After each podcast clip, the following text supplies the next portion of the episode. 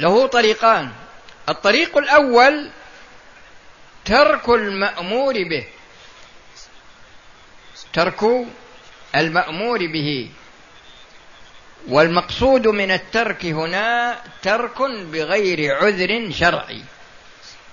ترك بغير عذر شرعي. فمثلا أنت مأمور بالصلاة لا تصلي. مأمور بالزكاة لا تزكي. مأمور بالحج ما تحج أنت قادر. وهكذا تخالف الأوامر. فمخالفة الأمر بدون عذر شرعي يحقق مفسدة. سواء كانت هذه المفسدة دنيوية أو كانت أخروية أو كانت مركبة. بمعنى أن الشخص يحصل عليه مفسدة في دينه ويحصل عليه مفسدة يحصل عليه مفسدة في حياته ويحصل عليه مفسدة في آخرته.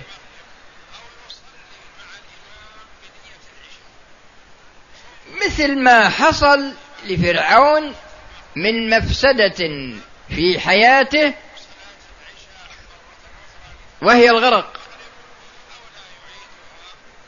ومفسدة في آخرة في آخرته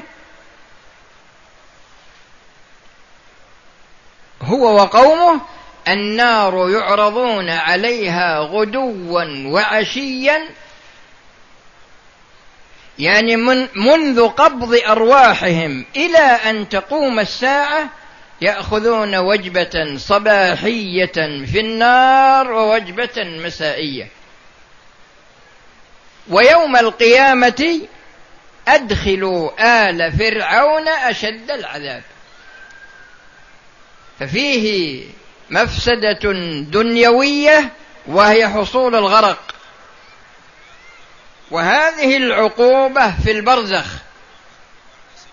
يعني في الفترة بين قبض الروح وبين رجوع الأرواح إلى أجسادها يوم القيامة.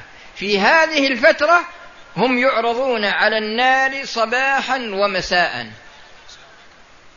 ويوم القيامة أدخلوا آل فرعون أشد العذاب. وإذا جمع الله الأولين والآخرين يقول الله عن فرعون وقومه يقدم قومه يوم القيامة.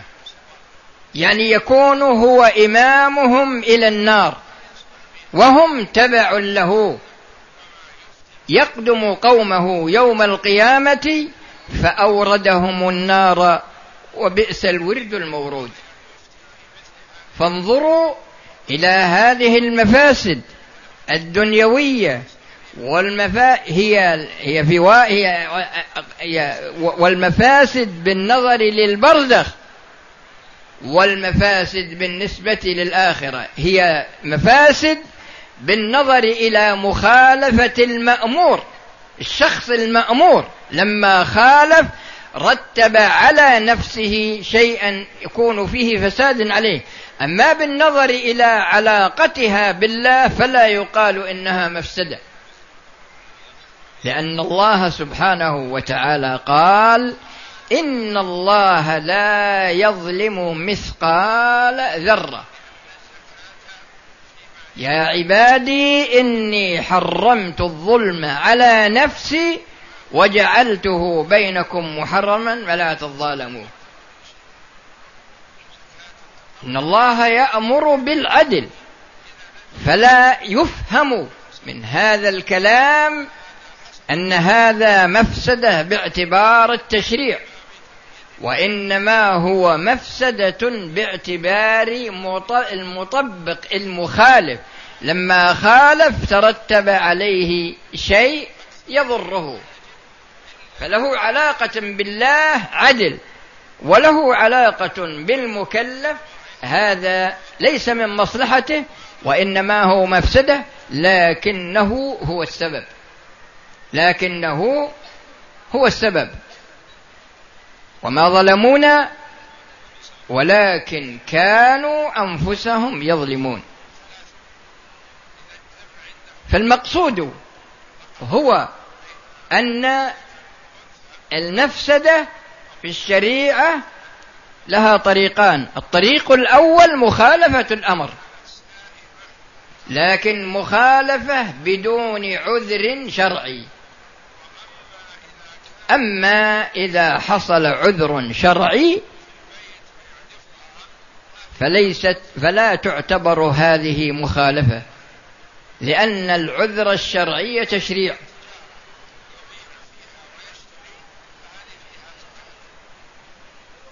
والثاني فعل النواهي فعل الأمور المحرمة.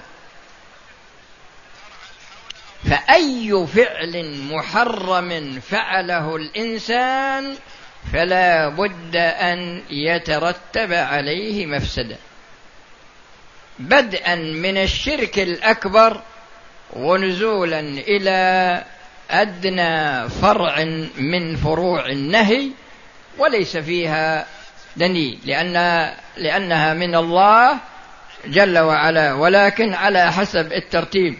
مثل قول الرسول صلى الله عليه وسلم الإيمان بضع وسبعون, وسبعون شعبة.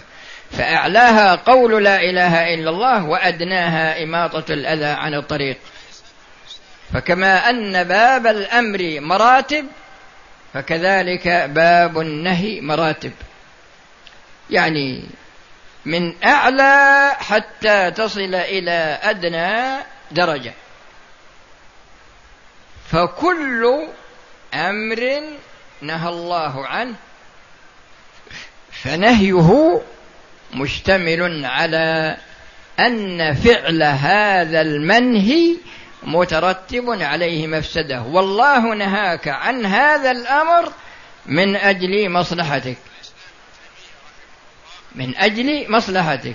فإذا باب الأمر امتثاله مصلحة ومخالفته مفسدة إلا بعذر شرعي. وباب النهي فعله مفسدة. وتركه ترك المنهي عنه مصلحة. ولا يرتكب الإنسان المنهي عنه إلا إذا وجد له عذر شرعي. هذا التمهيد اشتمل على هذين الأمرين. الأمر الأول ذكر الوسائل التي يستعين بها الإنسان على فهم القرآن من أجل معرفة هدايته وجوه هدايته. والأمر الثاني الغرض من وضع هذه الشريعة. الغرض من وضع هذه الشريعة. بهذين الأمرين أكتفي بهذا بذلك وأسأل الله سبحانه وتعالى بأسمائه الحسنى وصفاته العلى وباسمه الطيب الطاهر الذي إذا دعي به أجاب وإذا استعين به أعان وإذا سئل به أعطى أن يجعل اجتماعنا هذا اجتماعا مرحوما وتفرقنا تفرقا معصوما وألا يجعل فينا ولا منا شقيا ولا محروما وأن يتوفانا مسلمين ويحشرنا مع الذين أنعم الله عليهم من النبيين والصديقين والشهداء والصالحين وأن يصلحنا ويصلح لنا ويصلح بنا وأن يحسن عاقبتنا في الأمور كلها وصلى الله وسلم على نبينا محمد وعلى آله وأصحابه أجمعين وفي الدرس القادم إن شاء الله أتكلم لكم على الوجه الأول من وجوه هداية القرآن. والآن الإجابة على ما وجد من أسئلة. شوي بس. أشعرني لا أنا اللي أقرأ. هذا سائل يقول ما هو علاج ضيق الصدر؟ ووساوس الشيطان من, الكتاب والسنة علما بأنني لا أنام إطلاقا. يا أخي إذا انتهينا إن شاء الله عند الساعة العاشرة. آه، تتفق معي بعد ما بعد ما أنتهي من الإجابة إن شاء الله وأعلمك بالطريقة لأن إن شاء الله الحاضرين الظاهر ما يوجد منهم مثلك.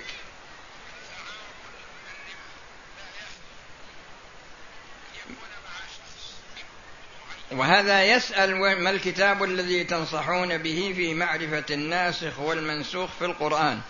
أما الناسخ في بالنسبة للسن بالنسبة للقرآن فهو الناسخ والمنسوخ لابن النحاس.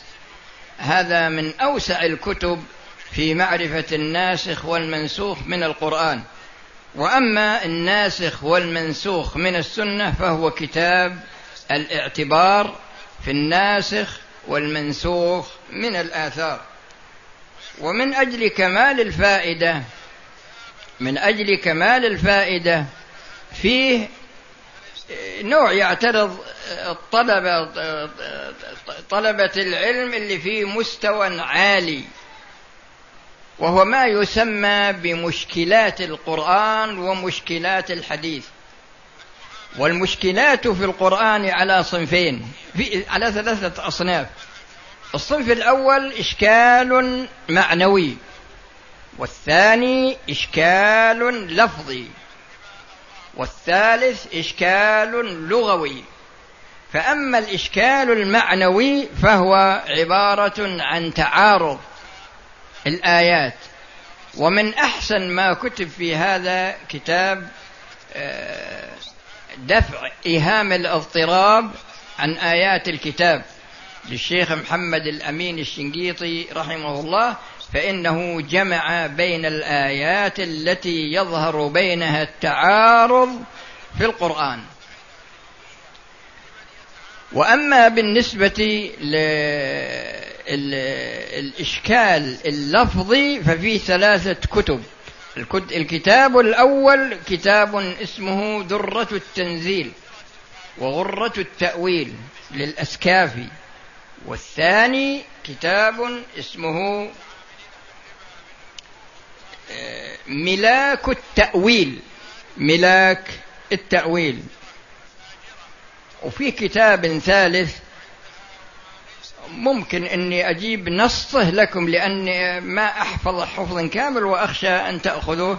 أنا أكتبه في الليلة القادمة آتي به على أساس انه يسهل لأن ما أضبط الاسم بعيد العهد عنه تقريبا. وأما مشكل فيه مشكل الإعراب مشكل إعراب القرآن هذا في أيضا كتب ألفت في إعراب القرآن وممكن الواحد يرجع إليها. احطهم بالكيس وهذا يقول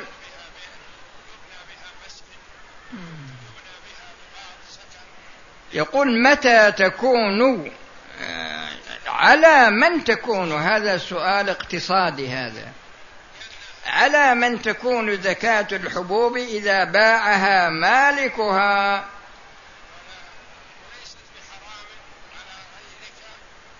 كيف يبيعها؟ يعني متى البيع له شروط.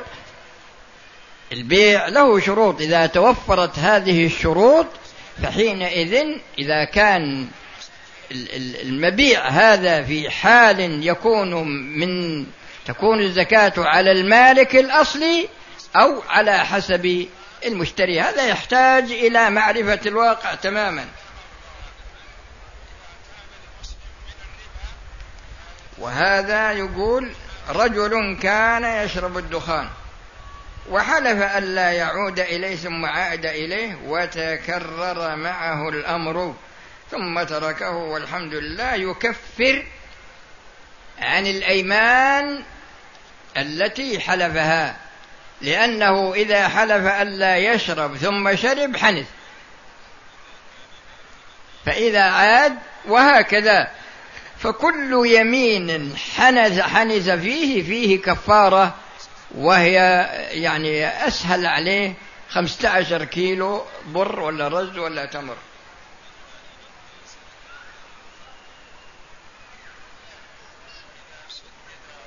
هذا يسأل سؤال ما, ما, ما أنتم في حاجة إلى سماعه. لكن يسأل عن ما عندهم. يعني تركيبه للسؤال ما هو هذا فيه الآن ظاهرة عند بعض طلبة العلم.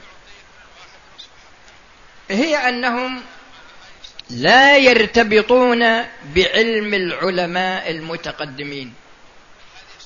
وإنما يعتمدون كثيرا على ما كتبه من المعاصرين وكل كاتب يكتب على حسب مستواه من ناحية العلم ومن ناحية آه، وسائل الفهم التي عنده. فهو يسأل عن العقيدة ويسأل عن التوحيد.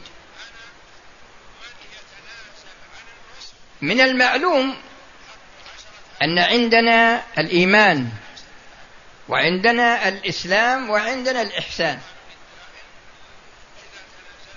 جبريل لما جاء إلى الرسول صلى الله عليه وسلم وسأله عن الإحسان قال أن تعبد الله كأنك تراه فإن لم تكن تراه فإنه يراك. وسأله عن الإيمان قال أن تؤمن بالله وملائكته وكتبه ورسله وباليوم الآخر وبالقدر خيره وشره. ويقول له صدقت كل ما قال صدقت. سأله عن الإسلام قال أن تشهد أن لا إله إلا الله وأن محمد رسول الله وتقيم الصلاة وتؤتي الزكاة وتصوم رمضان وتحج البيت. قال صدقت. الصحابة يقولون هذا أعرابي بدوي فعجبنا له يسأله ويصدقه. فلما ذهب قال لهم الرسول صلى الله عليه وسلم هل تعرفون هذا؟ قالوا لا. قال هذا جبريل أتاكم يعلمكم دينكم. فالإنسان يتعلم ما يتعلق بتوحيد الألوهية والربوبية والأسماء والصفات ويتعلم أيضا ما يتعلق بالإيمان.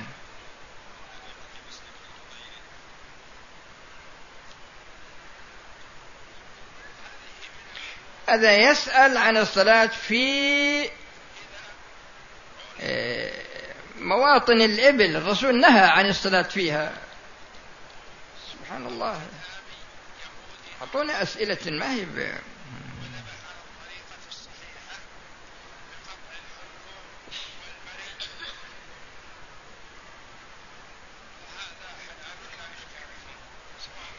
هل النهي عن تسمية العنب كرم يشمل كذلك التين وغيره من الأشجار أم هو خاص بالعنب؟ وهل الكراهة كراهة تنزيه أم تحريم؟ السؤال هذا بالواقع أنه قيم. وهذا أريد أن أنبهكم إلى قاعدة في الشريعة هذا الحديث هذا السؤال يعتبر فرع من فروعها. هذه القاعدة هي أن الرسول صلى الله عليه وسلم عندما يتكلم بأمر من الأمور هل هذا الكلام الذي ذكره يكون مقصورا على المحل فقط. أم أن المحل مثال من الأمثلة ويتعدى إلى غيره مما يساويه في العلم في العلة. ويمكن هذا ما هو بواضح لكم. أنا أذكر لكم قول الله جل وعلا يا أيها الذين آمنوا لا تقولوا راعنا وقولوا انظرنا واسمعوا. هذه الآية نزلت لها سبب وسببها أن اليهود كانوا يحضرون مجلس الرسول صلى الله عليه وسلم وكان يحضره بعض الصحابة. وكان صلى الله عليه وسلم يتكلم فالصحابة من حرصهم على استماع ما يقول يقولون له راعنا يعني اصرف نظرك إلينا. اليهود استغلوا هذه الفرصة فقالوا راع يا محمد يعني من الرعونة وهي كلمة سب. فالصحابة يستعملونها لمعنى سليم واليهود يستعملونها لمعنى فاسد. فقال الله يا أيها الذين آمنوا لا تقولوا راعنا اتركوها. وقولوا انظرنا لأن كلمة راعنا تحتمل معنى فاسدا وصحيحا. فاتركوها حتى لا يكون مدخل لليهود يستعملونها للمعنى الفاسد. وكلمة انظرنا هذه لا تحتمل إلا معنى واحد. هذا مثال. الحديث هذا الحديث هذا إذا نظرنا إلى اشتقاق الكلمة وجدنا أن اشتقاق الكلمة هل يدل على معنى طيب وإلا على معنى فاسد؟ هل يدل على معنى طيب المادة الكاف والراء والميم؟ هي تدل على معنى طيب. لكن لما كان هذا هذه المادة أو هذا النوع من الثمار يستعمل خمرا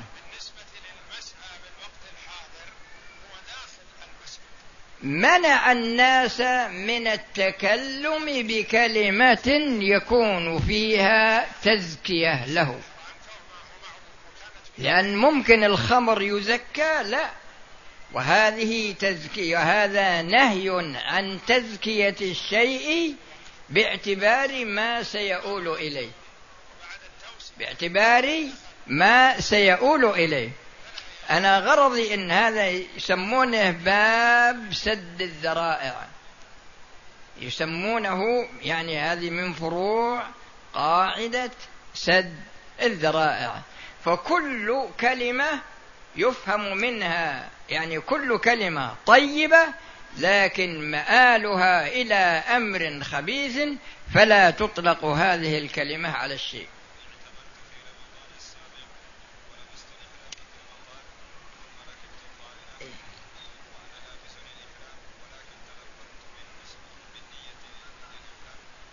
وقع طفل في بئر فمات فهل على صاحب البئر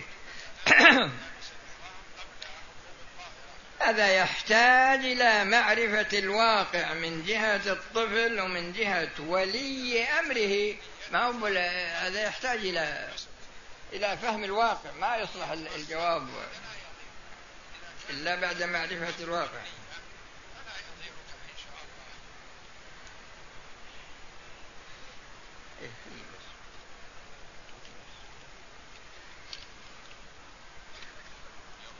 أخي يشتغل في مصرف وأخذ قرضا ربويا وبنى بيتا به.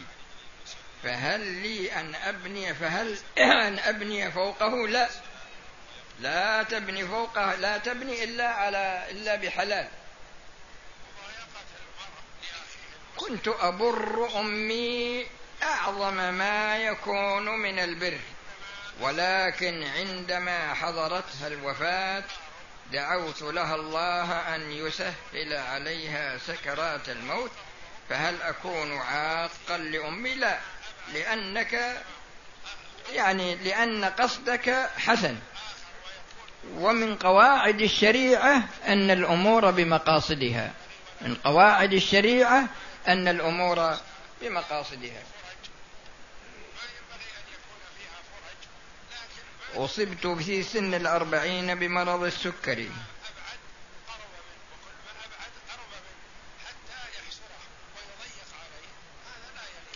فما أدري زوجتي عدم الإنجاب حتى لا يأتي الأولاد.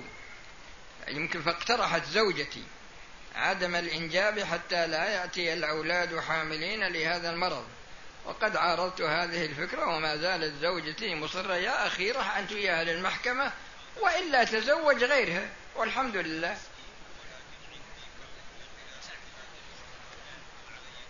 أبي لم يكن يؤدي الصلاة وهذا تكاسلا وليس إنكارا لها وقد أديت بتوفيق الله عنه العمرة والحج. ترك الصلاة سواء تكاسلا أو أو جحودا لا شك أنه كفر لأن الرسول صلى الله عليه وسلم لم يفرق بين من تركها جاحدا لوجوبها ومن تركها تهاونا وكسلا. فقال صلى الله عليه وسلم بين الرجل والشرك أو الكفر ترك الصلاة. العهد الذي بيننا وبينهم الصلاة فمن تركها فقد كفر. وعمر رضي الله عنه قال لا حظ في الإسلام لمن ترك الصلاة. وفي سورة المدثر لم نك من المصلين.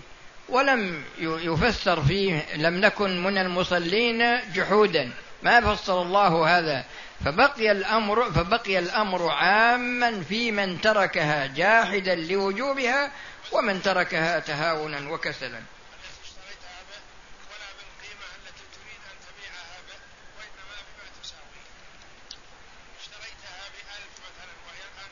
علي الدورة ونويت العمرة وأحرمت من الميقات وبعد أن طهرت اغتسلت من الشقة ولم أخرج إلى الحل. إذا كنت نويت العمرة من الميقات فالعمل الذي عملتيه ليس فيه شيء. يعني عملك صحيح.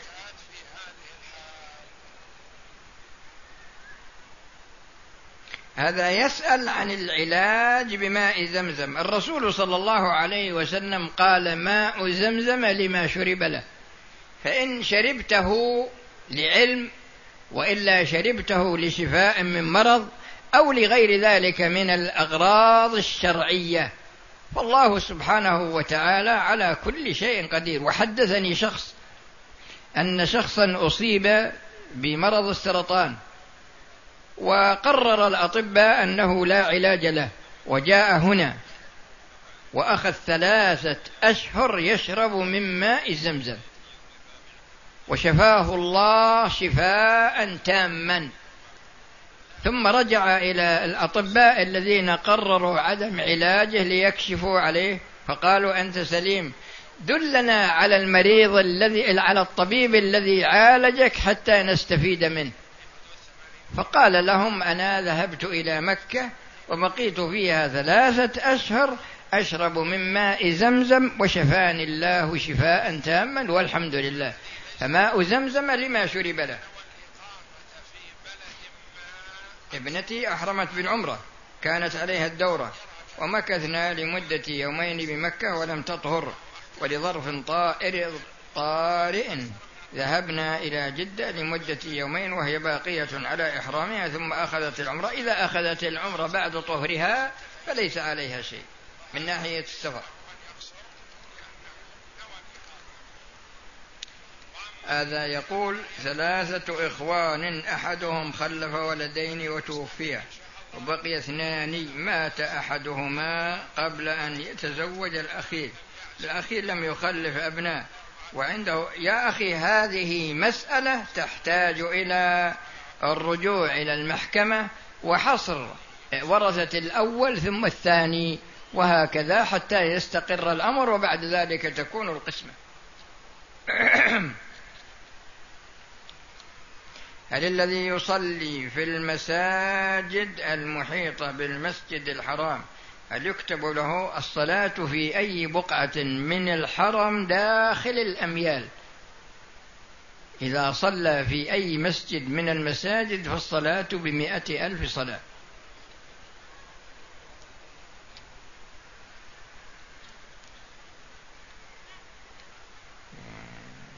في تفسير القرآن هل نقتصر على التفاسير السلفية؟ أم ما أدري إيش هذه في تجاوزها إلى التفاسير. يا أخي إذا إذا إذا أردت أنك مثلا إذا رجعت إلى كتب المتقدمين من من المفسرين ومن المعلوم من كتب التفسير أنواع كثيرة منها ما يهتم بالأحكام ومنها ما يهتم بالإعراب ومنها ما يهتم بالبلاغة